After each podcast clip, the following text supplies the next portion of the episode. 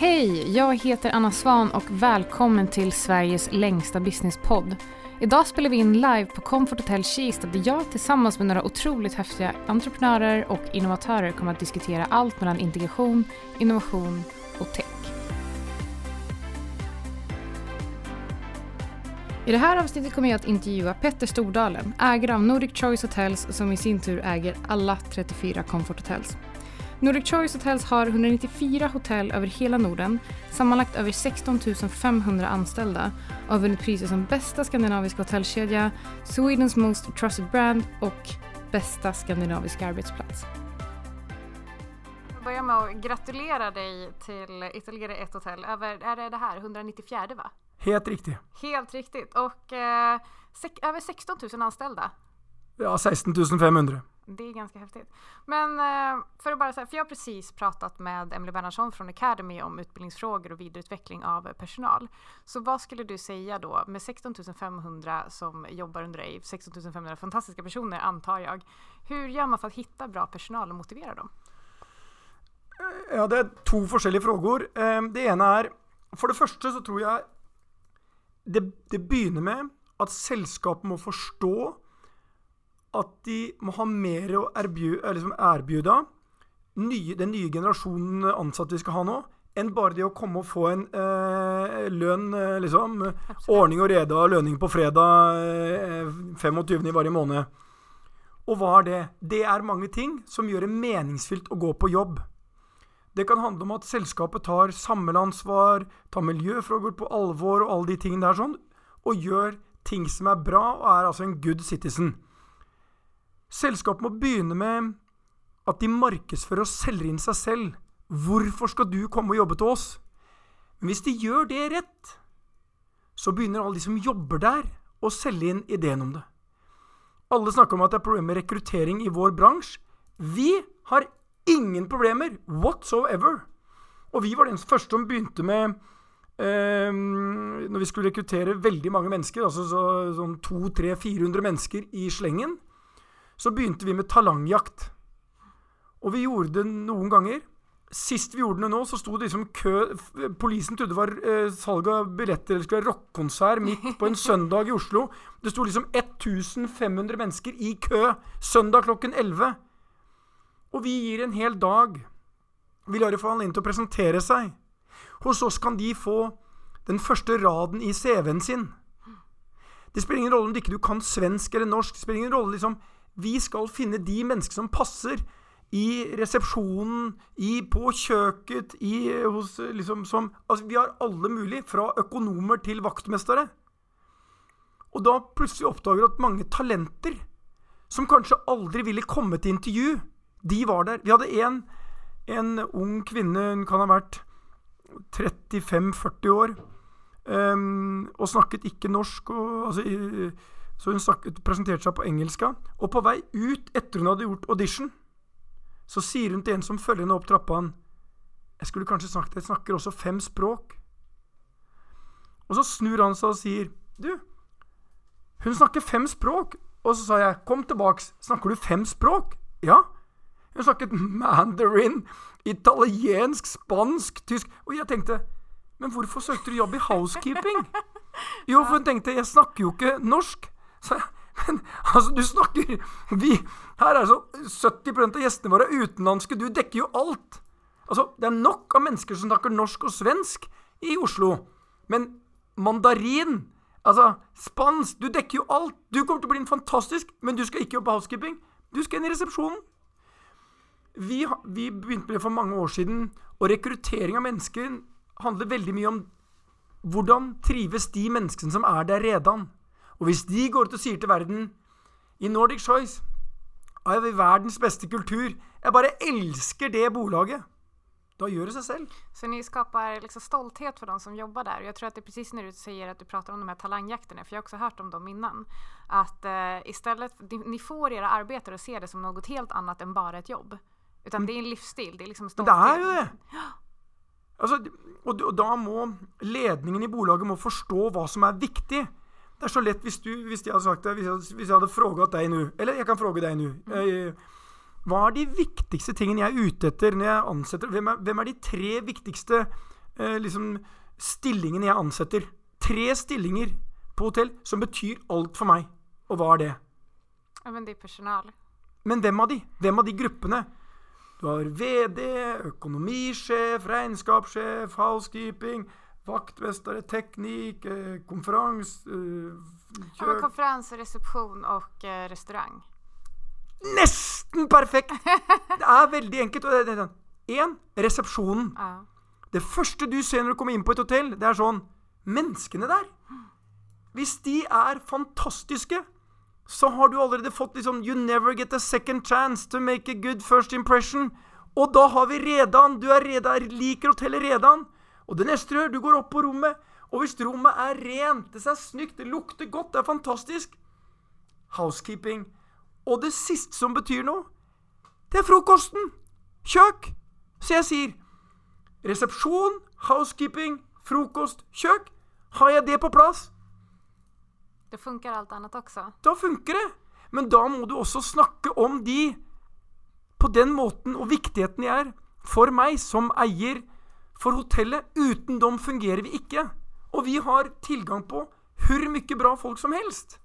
Men tror du at det skiljer er fra andre hotellkedjor? At andre hotellkedjor kanskje fokuserer mer på at, eh, på å rekruttere folk til andre typer av posisjoner enn en ni, dere søker talentjakter til, eller talanger til de her tre viktigste? Jo, men det, det, det er typisk altså, Det er jo noen som har prøvd å kopiere oss, men det de ikke forstår et dugg av Du kan ikke ha en talangjakt hvor hele ideen er du kommer inn, og så gir du har liksom to-tre minutter på å presentere deg selv, og så går du ut, og dette var det.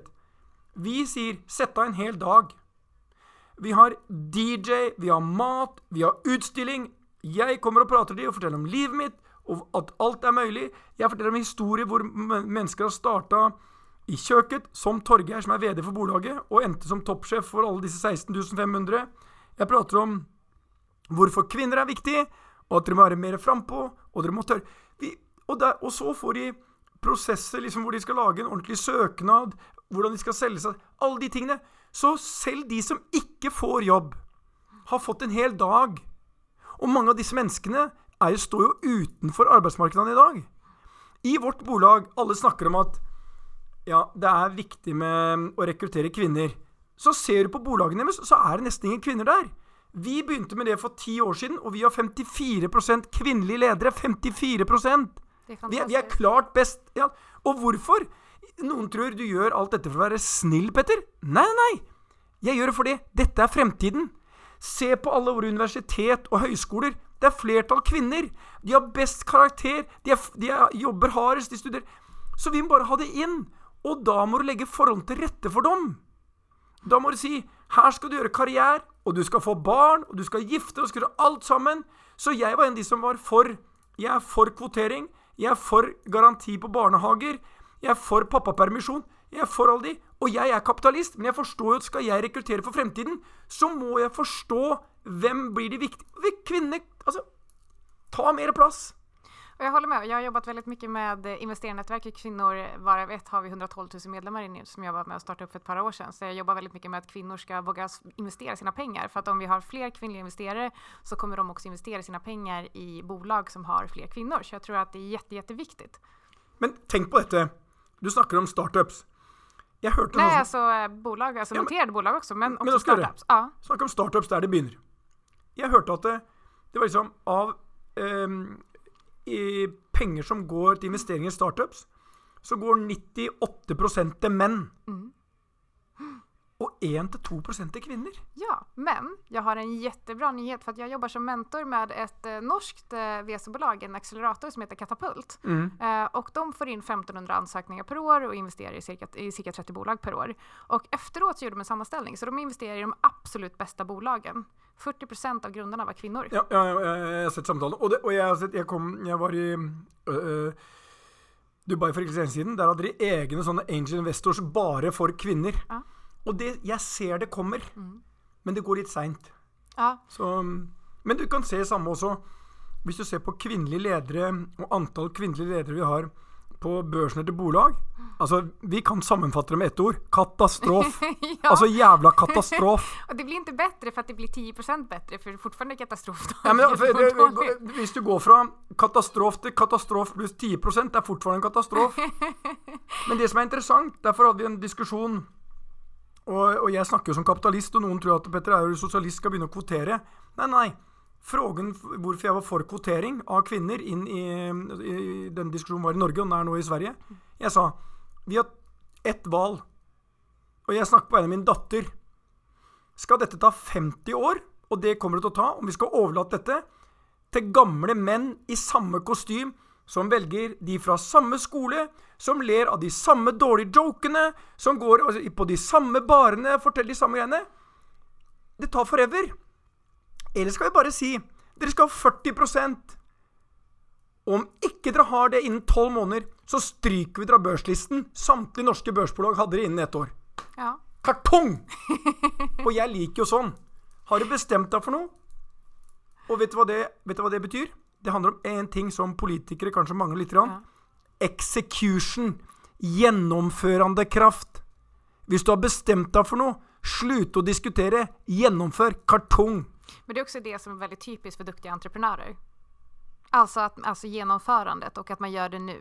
För i många fall, framförallt om man tittar på politiken, så är det veldig mycket det är väldigt mycket diskussioner och eh, det tar lång tid innan man faktiskt walk the talk. Men jag tror att det är det som är skillnaden om entreprenörer sätter press på, till exempel nu, du säger ja men det är klart att vi ska ha kvotering för det är viktigt att ha in fler kvinnor för det kommer leda till bättre resultat. Och då är det också det som faktiskt händer.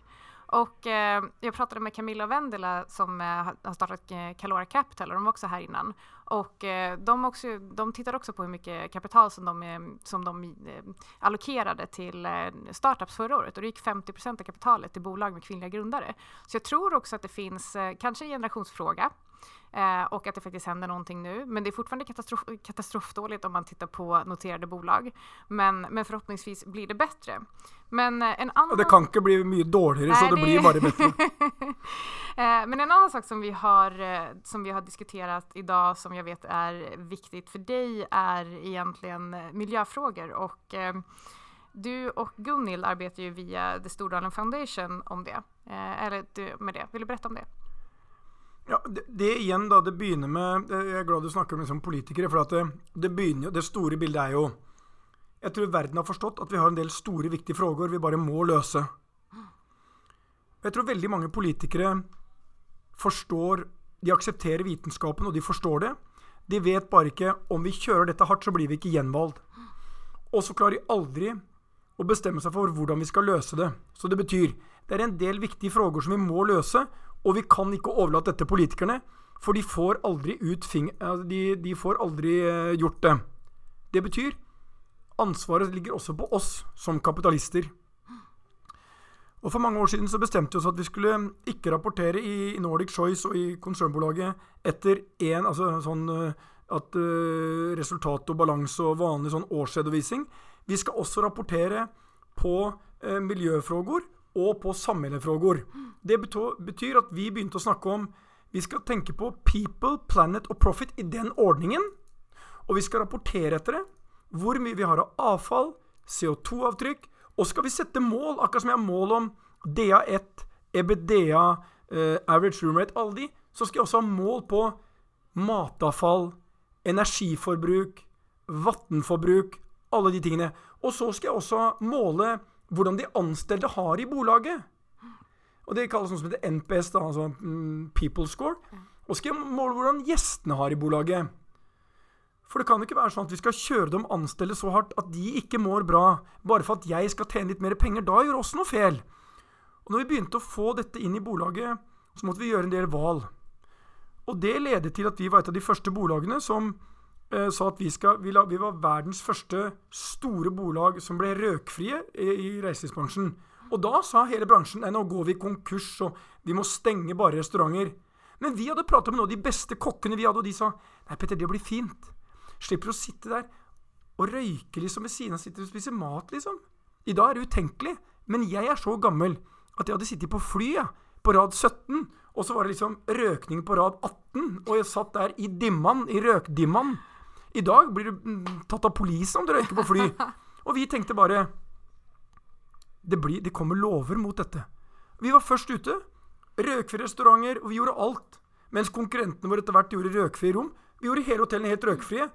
Og vi sa bare Men personal som jobber på restaurantene, jobber i barene, de kommer til å må mye, mye bedre. Ja, Og så gjorde de som, som mådde alle mye, mye bedre. Och för att inte tala om alla gäster. Som, Alla för, de, de, för, de flesta röker ju inte. Så alla som inte röker kommer ju älska det faktum att det finns restauranger där du kan sitta på en uteservering och faktiskt andas frisk luft. Presis! Og så har du det neste, da, som går på alle miljøfrågorna og klimatavtrykket. Og der har vi et stort ansvar. Og jeg kan, altså, podden er klar, men jeg kan ta sånn som mat. Vi var den som begynte med tallerkenstudiet. Eller det var Gunhild, for Gunhild mente at jeg gjorde dette veldig uvitenskapelig. Og så har vi med å gjøre et studie, sånn blindstudie, og sånn. Så at vi tester ti hotell som reduserer størrelsen på tallerken. Og så ser vi liksom Og da falt matavfallet vårt vi gikk hjem med liksom 25 de skal, Du skal få nok mat, men med en stor tallerkenplate så tok du veldig mye. Med en liten en så tenkte du nå har jeg fylt den to ganger. Men det er greit, det er bra. det er, jeg er mett, jeg. Så, og på buffeen så ville vi tenke på at det var viktig å spise mer grønt. Da begynte vi å forandre på buffeen. Hvis vi begynner med det grønne, fantastisk mye grønt, sunt, bra, grønt, fisk med sånn mindre rødt kjøtt, mer fisk, mer sånn plantebasert, så begynte vi å tenke på det. Og du, du nudger. For du vil ha alt det grønne, men tallerkenen er tyvärr fylt med liksom to koteletter og øh, en kylling og brun saus, så fikk jeg ikke plass til liksom. Men, og nå kommer jo da Jeg har vært så heldig, for jeg bor jo da sammen med en som er genuint opptatt av det. Nå kommer det da plantebaserte hamburgere. Og de fleste menn som sitter der ute, som tenker sånn Petter, ikke prøv nå å si at det er like bra som en eh, vanlig burger. Vet du hva det er? Eh, Det er bedre. Det er bedre! Ja. Og jeg, hadde, jeg, spiste The Impossible Burger i LA, og jeg tenkte Faen, Gunhild, det er faen meg bedre! Saftig, fant Og det smaker jo det, Altså, jeg tok en med eh, ost på det Helt fantastisk. Nå mm, prøvde jeg plantebasert kykling. Den var helt fantastisk. Ok, den ble litt fortere tørr enn vanlig kykling. Men vi er på vei mot en verden hvor ikke politikeren lenger bestemmer dette. Det er deg, det er din generasjon som går til å velge bort alle de tingene.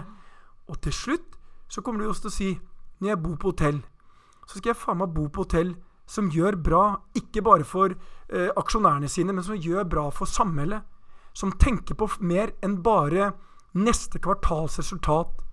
For kortsiktigheten i samholdet er i ferd med å kjøre hele planeten rett åt helvete. Og det er problemet. Og den kapitalismen vi så feilet i 2008, den må vi bort fra. Så det er ingen som skal være stolt av å bli tatt og være i Panama Papers, ha registrert på et skatteparadis, eller liksom alle de tingene der. Det er ikke bra hvis du har senger av regnskogstømmer. Det er ikke bra hvis ikke du tar hensyn til de viktige frågorna. Når vi, det hotellet vi sitter på her nå, Comfort i Kista Jeg vet at det var noen der som børjade når plastfrågorna kom, og si Men vi kan bli plastfrie. Og det er ikke noe som ble styrt av VD-en eller meg eller noen styrelse. De tok initiativet selv. Og da kommer vi til menneskene. Det er mennesker som kommer til å være med å forandre. Det begynner å slutte med å rekruttere de rette menneskene. Ansett mennesker som er bedre enn selv, tenker annerledes, og gjerne unge mennesker, for det er de som skal arve verden. Og vi har et ansvar for den planeten vi har til låns, og levere den til neste generasjon lite bedre. Og da kan vi faen ikke levere en planet på full fart over to grader. For ifølge Johan Rockstrøm i Stockholm Resilience Center så får det irreversible konsekvenser som generasjoner etterpå oss. Vet du hva de kommer til å si om oss? Og jeg orker bare ikke at mine barnebarn skal si Men bestefar, hvorfor gjorde du ingenting? Dere hadde vitenskapen, og så gjorde du ingenting. Hva faen skal jeg ha da? Hva skal jeg svare da? Og jeg gjør åpenbart ikke nok, men i Nordic Choice har vi i hvert fall satt det på kartene, og vi har bestemt oss at vi skal være et selskap som kan være med å forandre. Vi vil være en endring. Og så får vi heller liksom betale litt ekstra for det.